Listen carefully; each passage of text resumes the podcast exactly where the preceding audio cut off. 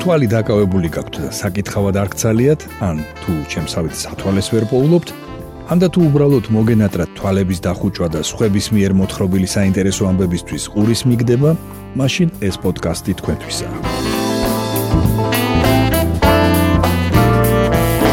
გამარჯობა. თქვენ უსმენთ რადიო თავისუფლების პოდკასტს მოლაპარაკე ტექსტებს. მოლაპარაკე ტექსტებს. მე ბიძინა რამიშვილი გახლავართ. აქ მოქმედი პირები არიან ტექსტები, რომლებსაც რადიო თავისუფლების ვებსაიტზე ვარჩევ თქვენთვის კვირაში ერთხელ და მათ მოსათხრობ ამბებად ვაქცევ ხოლმე.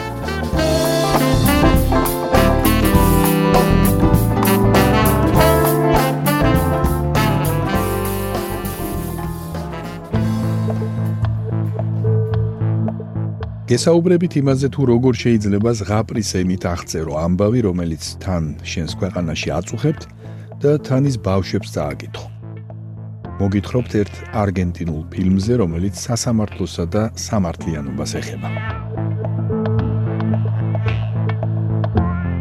წაგიგითხავთ ეკა ქევანიშვილის სტატიას გოჭები და ქათმები აბრეშუმის კაბებში. როგორ დაიწერა 21 საუკუნის ხუთი ზღაპარი.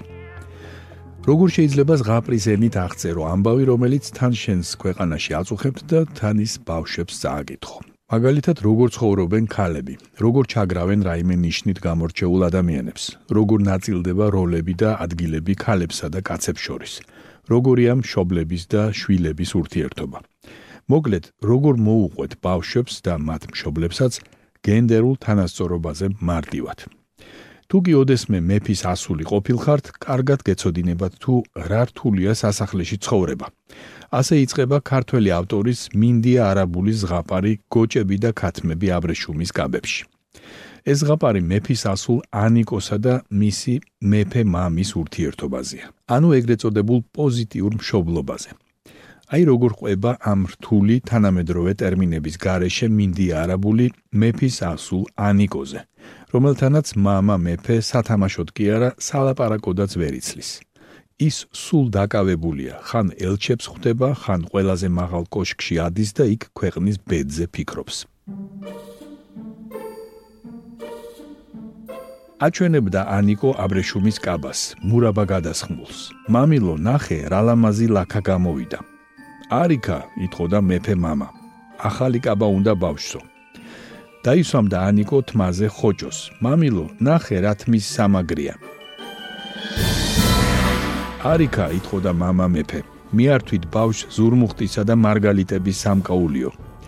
ანიკო კი ყველა ამ კაბითა და სამკაულით ეზოს გოჭებსა და ქათმებს მორთავდა ხოლმე. იმათ უფრო უხაროდათ. ციტადის დასასრული. ერთ დღეს ანიკო იმ კოშკში აიპარება სადაც мама მეფე დიდ დროს ატარებდა იქ ძველ დამტრეულ საათს ნახავს მის ისარს დაატრიალებს და უცებ წარსულში აღმოჩნდება სადაც პატარა უფლისწულს შეხვდება ვერ ცნობს, მაგრამ მე როცა გამოელაპარაკება, მიხვდება, რომ ეს მისი мама, როცა ის პატარა ბიჭი იყო. ანიკო გადაწყვეტს მას აჩვენოს, როგორი მეფე იქნება მომავალში. ტელესკოპი აიღე და არ გაუშვა, თქვა ანიკო. ჩახკიდა ბიჭს ხელი და საათის ისარი წინ დაატრიალა. თვალის დახამხამებაში შეიცვალა ყველაფერი. კედლებიდან ლამაზი ფარდები ჩამოჭკნა და ჩამოცვივდა. ცის რუკები დაიმტვერა და კარადაში შეიმალა. წერტილები სულ გაქრა ერთი მეორის მიყოლებით. ერთადერთი ტელესკოპი იყო ისევ ახალივით, რა კი ბიჭს ხელში ეკავა. რა უქენი ჩემს ოთახს, ტირილის პირას იყო ბიჭი მისული. მე არაფერი მიქნია, შენ უქენი, გააკნია თავი ანიკომ. ხომ გაინტერესებდა როგორი მეფე იქნები? ხო და აი მომავალში ვართ. ესაა შენი სამეფო. აგე ის კაცი ეზოში რომ მოდის, შენ ახარ, ჩაფიქრებული, მკაცრი და თანაც მონადირე. ბიჭს ეს არ მოეწონება. ამასობაში კოშკი უკვე გაზრდილი მეფე мама მოვა და იქ ანიკოს იპოვის. ანიკო მას ტელესკოპში გაახედებს და გაახსენებს წლების წინანდელ ამბავს, როცა დაბადების დღეზე მას ერთი უცნაური გოგონა ესტუმრა.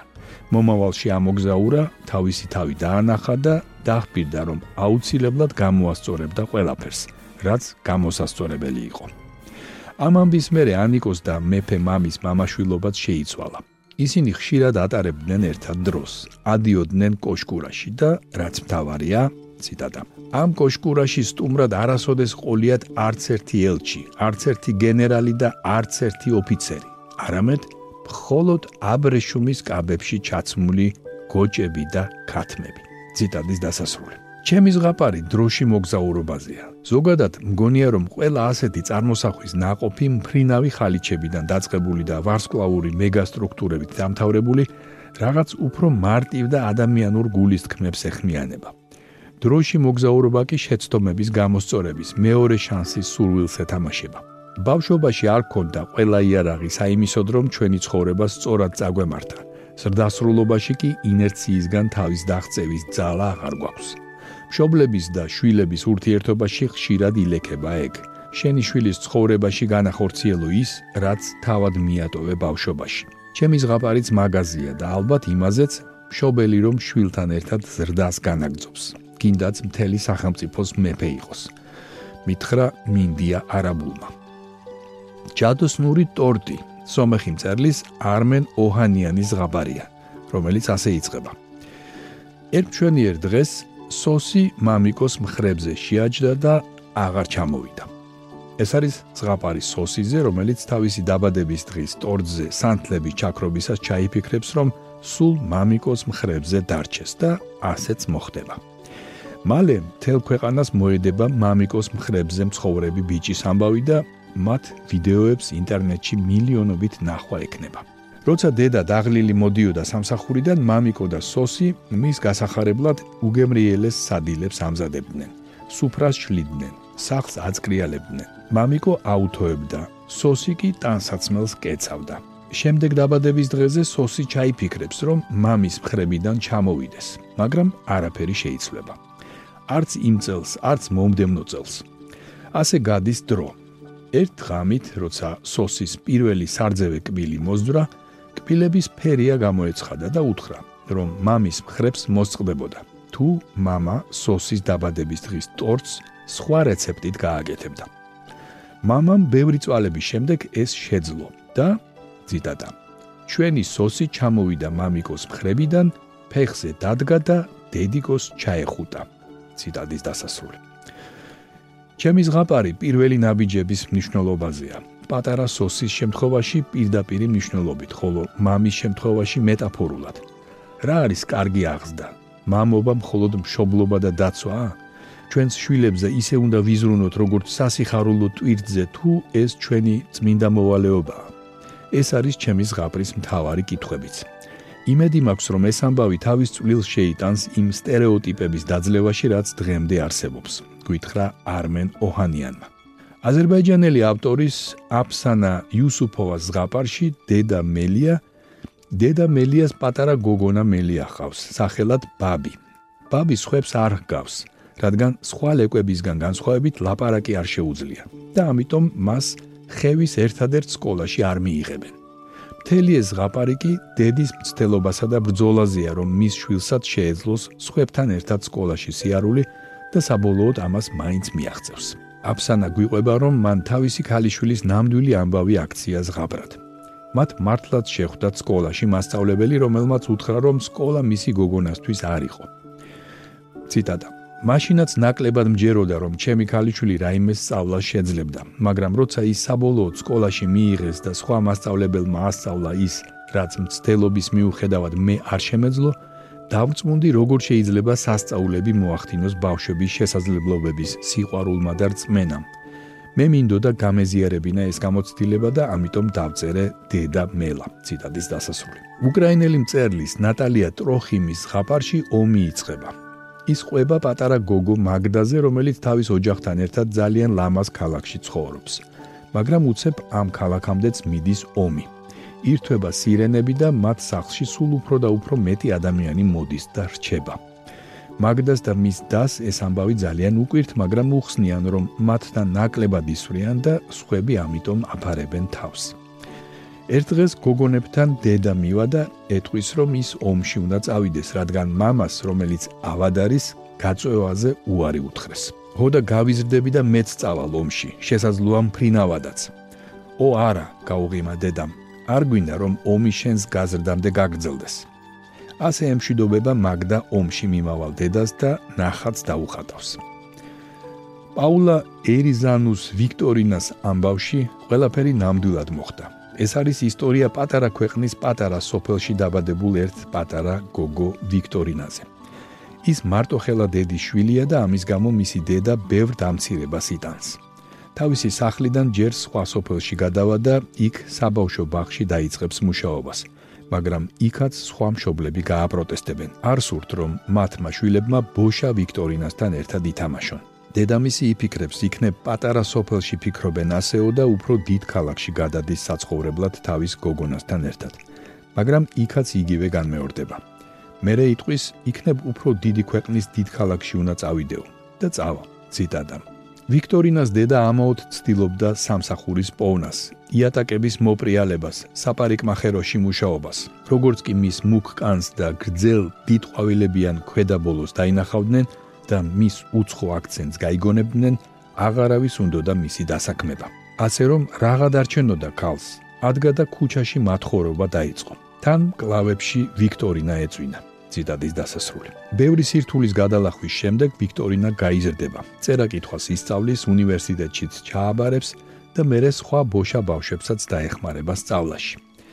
ამ ზღაპრებში, რომლებშიც არის ინტერნეტიც და 21 საუკუნის სხვა ამბებიც, ალაგ-ალაგ გაქრთება ხოლმე ის პრობლემებიც, რაც ზღაპრების ავტორების ქვეყნებში არსებობს. არაზღაპრული ენით ბოლო გამოკვლევებზე დაყნობით რომ ვთქვათ, მაგალითად, მოლდოვაში გამოკითხულთა 80%-ს ჯერა რომ ოჯახში მთავარი შემომტანი კაცი უნდა იყოს და 75% მიიჩნევს რომ ქალის მთავარი როლი ოჯახზე ზრუნვაა. სომხეთში 25 წლამდე ასაკის ქალების უმუშევრობის დონე 46%-ს აღწევს, ხოლო ამავე ასაკის კაცებში 30%-ს. უკრაინაში ხელფასის სხვაობა კაცებსა და ქალებს შორის სულ მცირე 25%-ია. ზოგიერთ შემთხვევაში კი 40%-იც.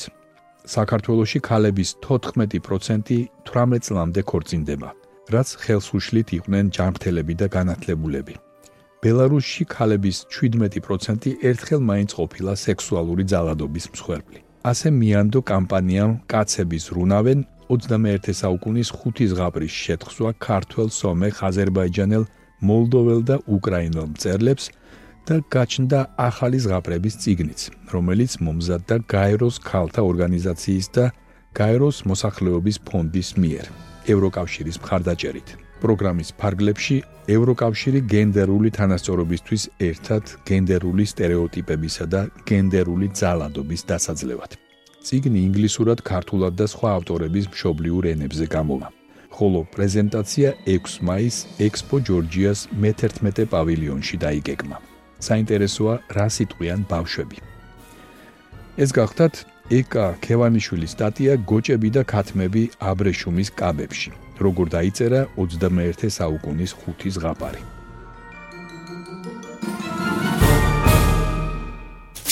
თქვენ უსმენთ პოდკასტს მოლაპარაკე ტექსტებს.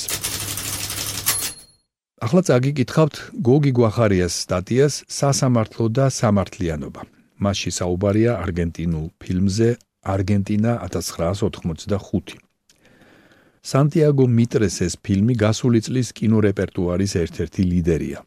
არგენტინა 1985 დაჯილდოვდა ამერიკული ოქროს გლობუსით. მოხვდა ოსკარის ნომინაციაში, როგორც საუკეთესო უცხოენოვანი ფილმი. აღინიშნა ფიპრესის პრიზით ვენეციის შარშანდელ კინოფესტივალზე, სადაც მისი მსოფლიო პრემიერა გამართა. მიუხედავად საერთაშორისო აღიარებისა, სანტიაგო მიტრეს სურათი დღემდე არ უჩვენებიათ ჩვენი ქვეყნის კინოთეატრებში. არადა მის ნახვას თუ მოახერხებთ, მიხვდებით, რამდენად გასაგებია 1985 წლის არგენტინაში გამართული ისტორიული სასამართლო პროცესი საქართველოს ყველა მოქალაქისთვის. თუმცა არგენტინელებისგან განსხვავებით, იმ ხალხისგან განსხვავებით, რომელმაც მოახერხა და 7 წლიანი დიქტატურის გასამართლება შეძლო, ჩვენში რეჟიმების სამართლებრივი შეფასება დღემდე ვერ ხერხდება. ანდა როგორ მოხერხდება, როცა ლუსტრაციის კანონი არ მიგვიღია, როცა ერთი სისტემის მოსამართლეებს ახლა უკვე იმ სისტემაში ვხედავთ, რომელიც სამართლიანობის აღდგენის ლოზუნგით მოვიდა ხელისუფლებაში. ვინ გაასამართლებს მაშინ სისტემას? როგორ შეძლებს ქვეყანა წარსულის გადაფასებას, თუ კი მართლმსაჯულება თავად მოსწყდა ფასეულობებს, რომლებიც წარსულში დაამკვიდრა? მიტრეს ფილმში უნდა დასაჯონ ხუნტის 9 ლიდერი, რომლებიც გადატრიალების შემდეგ წარმოადგენდნენ არგენტინის ხელისუფლებას.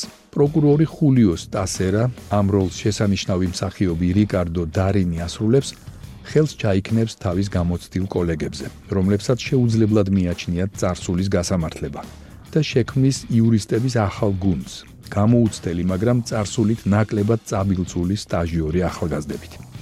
მერე რა რომ მათ შორის ისეთებიც არიან, ვინც სამხედრო ხელისუფლებასთან დაახლოებულ ოჯახებში გაიზარდა. შესაძლებელია მათ ყველაზე კარგად იციან, რას წარმოადგენს რეალურად ძალადობრივი სისტემა. დიახ, ასია. царსულის გასამართლება ჯერ კიდევ მსხვერპლს მოითხოვს. თუ გინდა რომ უსამართლობისგან განთავისუფლდე, სიმართლის თქმის არ უნდა გეშინოდეს. რაოდენ წარეც უნდა იყოს ეს სიმართლე. ფილმი ერთი წუთითაც არ მოგაწყეთ. მაშინაც კი თუ იცით როგორ დასრულდა არგენტინელი ნეოფაშისტების გასამართლების პროცესი. ცალკეული იუმორისტული შტრიხები, პერსონაჟების ნიუანსებზე აგებული ხასიათები ეხმარება ავტორს გაუმკლავდეს თემის სიმძიმეს. ნამდვილი ამბავი კი წარმოგვიდგინოს კლასიკური პოლიტიკური თრილერის ჟანრში. ოსტატურად გათამაშებული სასპენსებით და კიდევ უფრო კარგი მსახიობებით.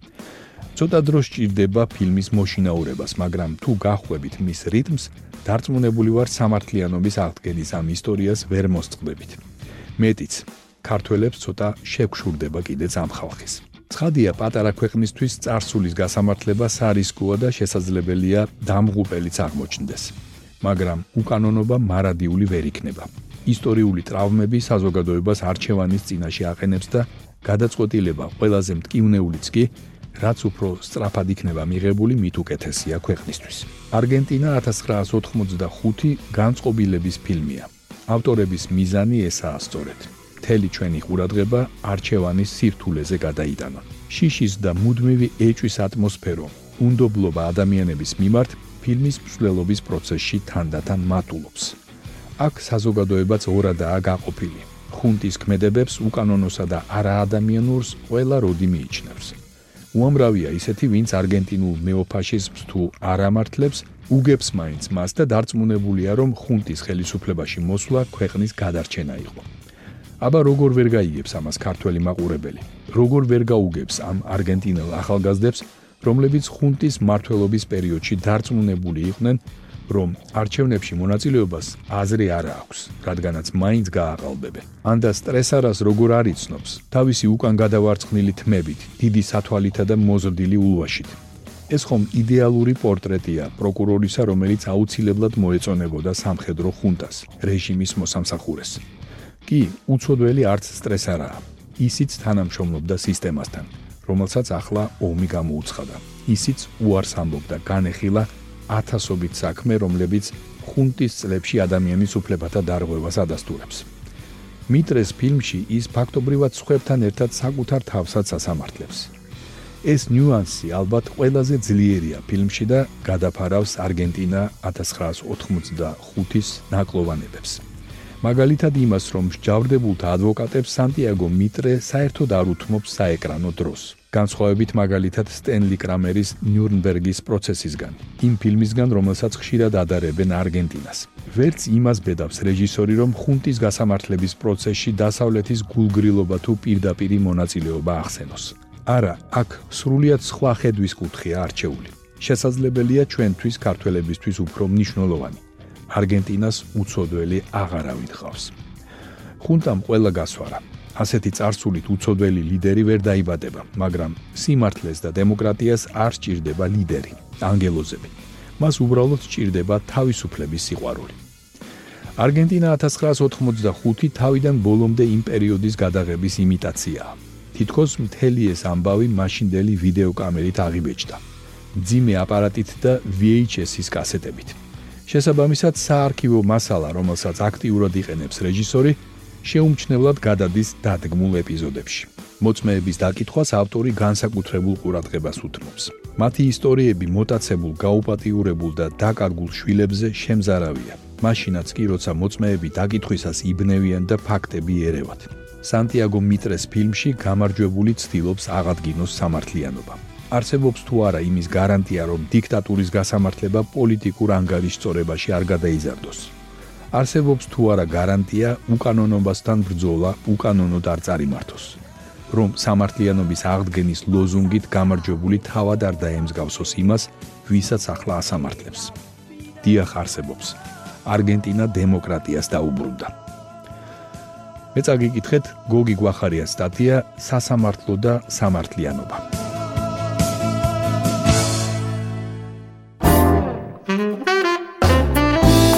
თქვენ მოისმინეთ რადიო თავისუფლების პოდკასტი მოლაპარაკეთ ტექსტები. მე კვირაში ერთხელ ვარჩევ რადიო თავისუფლების ვებსაიტზე გამოქვეყნებულ ტექსტებს და მათ მოსათხრობამდე ვაქცევ ხოლმე. ჩვენი პოდკასტი შეგიძლიათ გამოიწეროთ, ჩამოტვირთოთ ან მოისმინოთ პირდაპირ რადიო თავისუფლების ვებსაიტზე.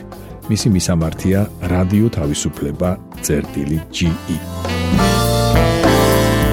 თუ ჩემი მიერ მოთხრობილი ტექსტები სრული სახით დაგაინტერესებთ, მათი მოძებნა იულია. ვებსაიტზე, პოდკასტის გვერდზე იპოვით ყოველ ცალკეულ პროგრამაში მოთხრობილი ტექსტების ბმულებს.